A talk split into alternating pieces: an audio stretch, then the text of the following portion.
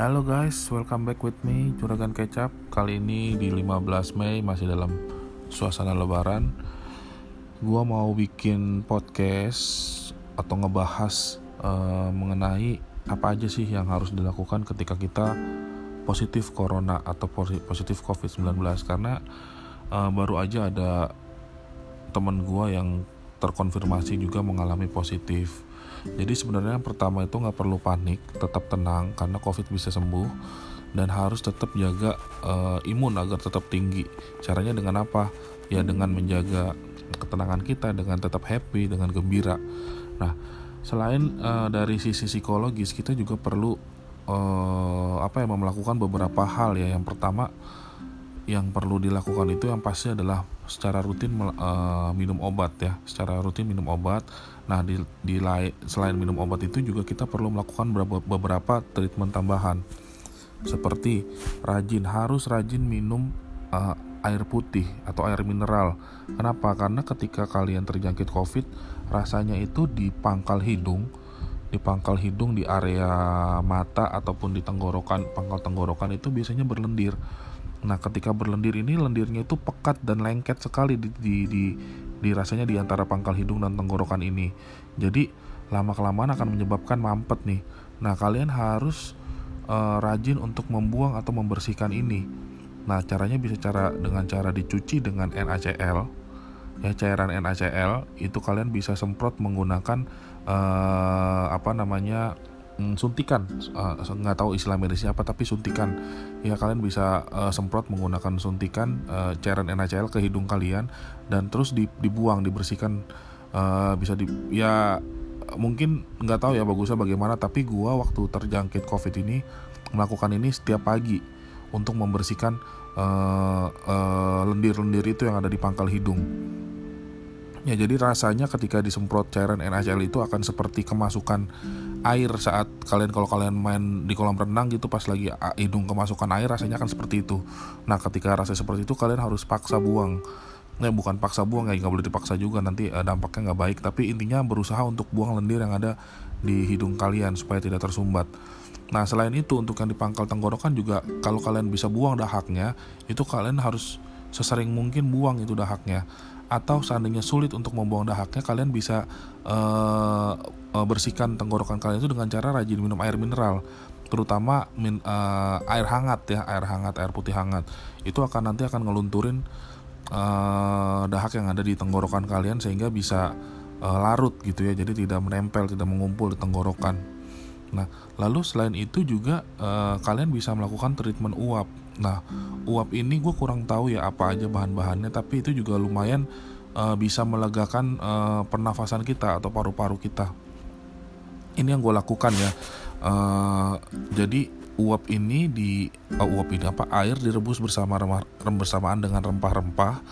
Ya kalau gue lihat sih gue kurang tahu ya rempah-rempahnya waktu itu apa yang dibikin nyokap gue mungkin kalian juga bisa googling uh, beberapa bahan-bahannya itu bisa diminum uh, sorry itu bisa dihirup di, direbus direbus sampai dengan mendidih nah mengeluarkan uap dan uapnya itu di, di dihirup ya. Uh, dihirup dengan cara tarik nafas panjang-panjang pada uap itu sehingga uap itu bisa kita hirup. Nah itu salah satu terapi yang waktu itu sih dianjurkan oleh salah satu rekan gue juga yang sudah uh, mengalami COVID-19 terlebih dahulu ya. Nah itu lumayan melegakan uh, saluran pernafasan kita Nah, selain itu juga uh, kita ketika tidur itu gak boleh di dalam kondisi dingin. Karena ketika dalam kondisi dingin yang tadi gue cerita mengenai saluran tenggorokan itu nanti akan menjadi kering. Ya uh, di kejadian yang gue alami itu tenggorokan menjadi seperti kering gitu. Bahkan untuk kita menelan ludah pun perih nanti. Ya jadi uh, usahakan tidur pada suhu yang uh, lumayan tinggi sehingga uh, tidak menyebabkan kering pada pernafasan. Uh, nggak nggak tahu sih ini akibat apa tapi kalau gue ketika gue nyalain AC nih tidur dingin itu pagi-paginya tenggorokan tuh terasa kering. Terasa kering dan lengket gitu tenggorokan. Nah jadi harus seperti yang biasanya kita biasa aja tapi rasanya beda deh gitu. Tapi ketika kita nggak nyalain saya nggak nyalain AC gue nggak nyalain AC itu uh, pernafasan uh, tenggorokan normal gitu ya. Jadi eh, dalam kasus gue gue tidur itu tidak menggunakan AC nah akibatnya apa ya? Akibatnya memang keringetan. Nah keringetan itu nggak apa-apa. Makanya kenapa tadi di awal eh, apa kita harus minum banyak banyak banyak minum. Karena memang keluar keringatnya itu pun di luar kebiasaan. Ya di luar wajar gitu. Uh, keringat bisa berupa biji-biji jagung segede-gede biji jagung gitu. Nah lalu juga uh, setiap pagi itu memang kita harus uh, beraktivitas benar-benar beraktivitas yang keluarin keringat gitu ya. Uh, untuk meningkatkan antibodi imun di dalam tubuh kita juga sambil berjemur. Nah berjemur di kisaran jam 9-an ya di kisaran jam 9-an sambil melakukan aktivitas olahraga untuk membakar uh, apa ya ya kita bilangnya vitamin D untuk membakar uh, tubuh kita juga dari covid covid itu kan nggak ngerti lah istilahnya bagaimana. Intinya uh, jam 9 pagi itu usahakan bergerak sambil berjemur.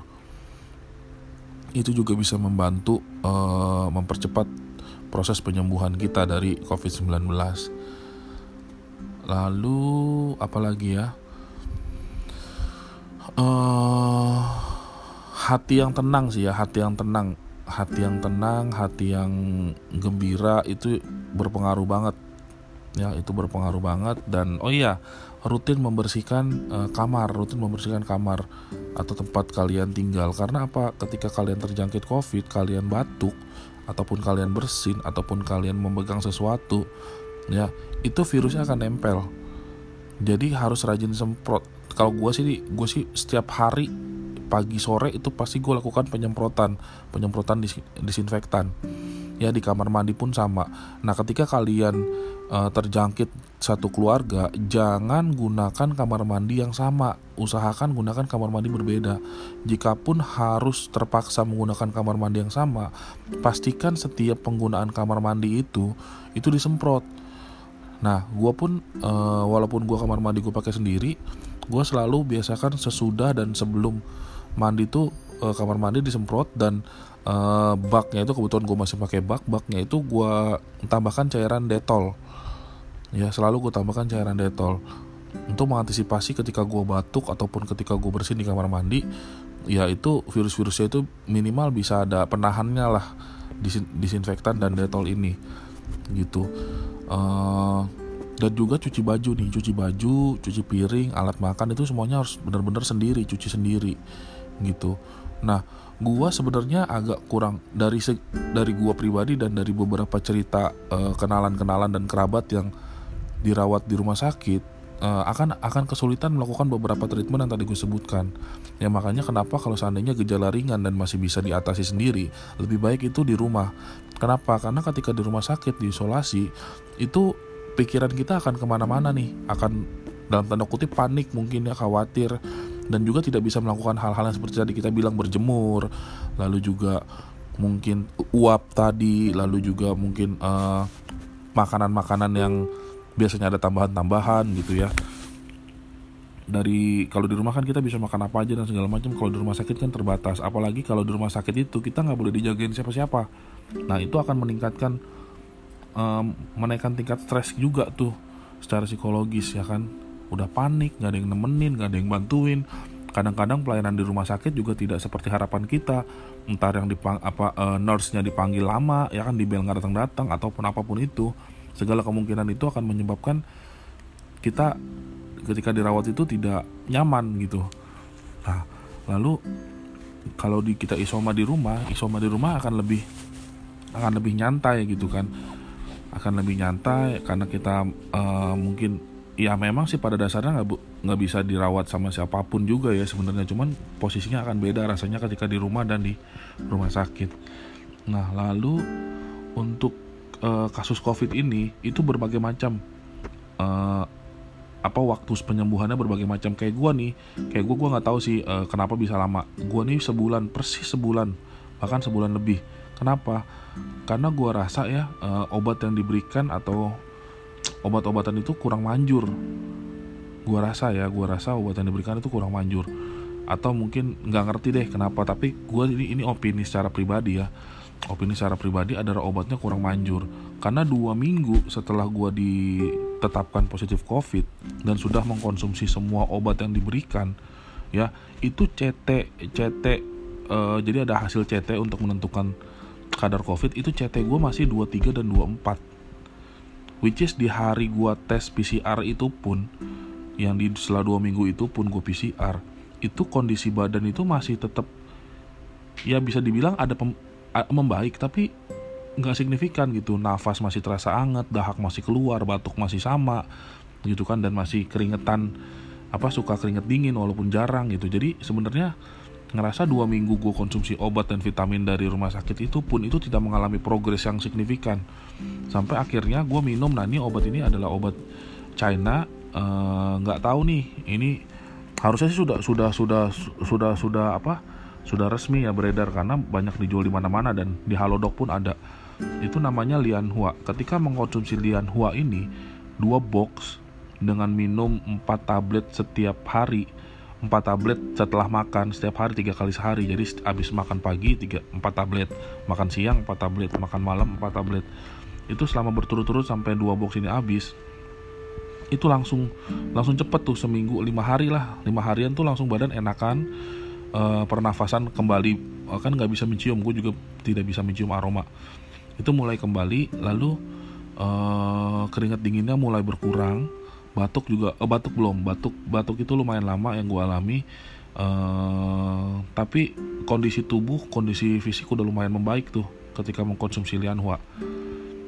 Ya jadi uh, lianhua ini gue nilai menurut gue lumayan lumayan ampuh nih lumayan uh, lumayan apa ya namanya manjur manjur untuk covid-19 ini. Dan ternyata memang kalau gue tanya-tanya rata-rata menyarankan yang memang minum lianhua ini. Gitu ya tentunya dengan dibarengi obat-obat pendukung dan vitamin juga gitu ya. Nah setelah mengkonsumsi lianhua ini seminggu kemudian itu langsung ada progresnya nih. Dari yang CT sebelumnya 20 423 tadi ya itu ada peningkatan jadi 33 kalau nggak salah. Ya 33 masih negatif. Nah setelah naik ke 33 itu minggu depannya tes lagi itu udah langsung negatif. Gitu ya. Jadi uh, itulah terapi-terapi yang gue lakukan dan uh, apa ya uh, bisa kalian lakukan jika kalian terjangkit COVID-19 nggak perlu panik. Asalkan nggak ada penyakit bawaan itu bisa dibilang harapan sembuhnya sangat tinggi gitu kan. Tergantung bagaimana cara kita mengatasi. Dan kalau bisa nggak perlu deh uh, apa ya nggak perlu nggak perlu panik sampai harus pengen dirawat apa segala macem. Dirawat sendiri di rumah itu gue rasa masih tetap opsi paling baik. Karena apa? Kita bisa mengurus diri kita dan kita nggak perlu panik ya. Tadi terapi terapinya apa hal-hal yang dilakukannya itu bisa apa aja. Pertama yang paling banget harus adalah rajin bersihin uh, saluran pernafasan kita tenggorokan kita dengan cara tadi cuci dengan cairan NaCl dengan cara minum air putih yang banyak lalu juga uh, kalian juga, bisa tambah asupan dengan gue sih minumin susu beruang tiap hari ya bir, bir brand.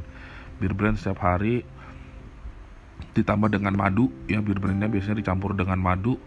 Uh, lalu juga apa namanya uh, minum tadi lianhua tadi. Ya kalau bisa sih uh, minum lianhua lianhua aja. Jangan dibarengin sama obat dokter ya jangan dibarengi sama obat dokter karena takutnya nanti bentrok atau bagaimana atau bagaimana. Tapi uh, dari cerita beberapa orang dan gue sendiri mengalami bahwa lianhua ini uh, sangat berpengaruh pada penyembuhan COVID-19 lalu juga tadi uh, tidur jangan di suhu yang dingin jangan di suhu yang rendah. Kalau bisa di suhu yang normal aja suhu yang normal bukan suhu yang tinggi.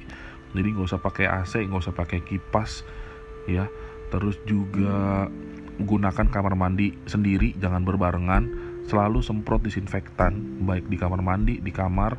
Nah di kamar mandi kalau masih menggunakan bak juga dicampur dengan cairan detol. Lalu juga ditambahkan juga kalian bisa uh, bikin tadi uap ya uap dengan uh, beberapa campuran rempah-rempah. Bahan-bahannya kalian bisa googling. Nah gue rasa udah banyak lah yang mencoba juga dengan uh, uap ini. Lalu juga uh, istirahat pastinya harus teratur. Hati yang gembira adalah obat. Jangan stres jangan panik. Tetap maintain uh, pikiran kita bahwa COVID-19 itu pasti bisa sembuh. Gitu ya. Uh, mungkin itu aja. Konklusinya udah cukup lengkap gue rasa. Dan buat kalian teman-teman yang sudah terjangkit tetap jangan santai harus tetap terapkan protokol kesehatan kalau kalian sudah terjangkit dan sudah sembuh dan yang baru terjangkit COVID-19 jangan panik kalian pasti sembuh. Udah banyak kok survival COVID-19 dan hasilnya memang lebih banyak yang sembuh daripada yang uh, ibaratnya lebih banyak yang sembuh lah dari COVID-19 gitu ya. Gue rasa segitu aja. Mudah-mudahan ini bisa membantu dan kalau kalian nilai ini bisa membantu dan bermanfaat tolong di share ke teman-teman kalian ke kerabat kalian. Semoga kita bisa melalui pandemi ini dengan sehat tanpa kekurangan satu apa pun dan kita bisa beraktivitas secara normal lagi. Oke, tetap jaga protokol kesehatannya, lindungi keluarga kalian dan diri kalian. Juragan kecap. Ciao.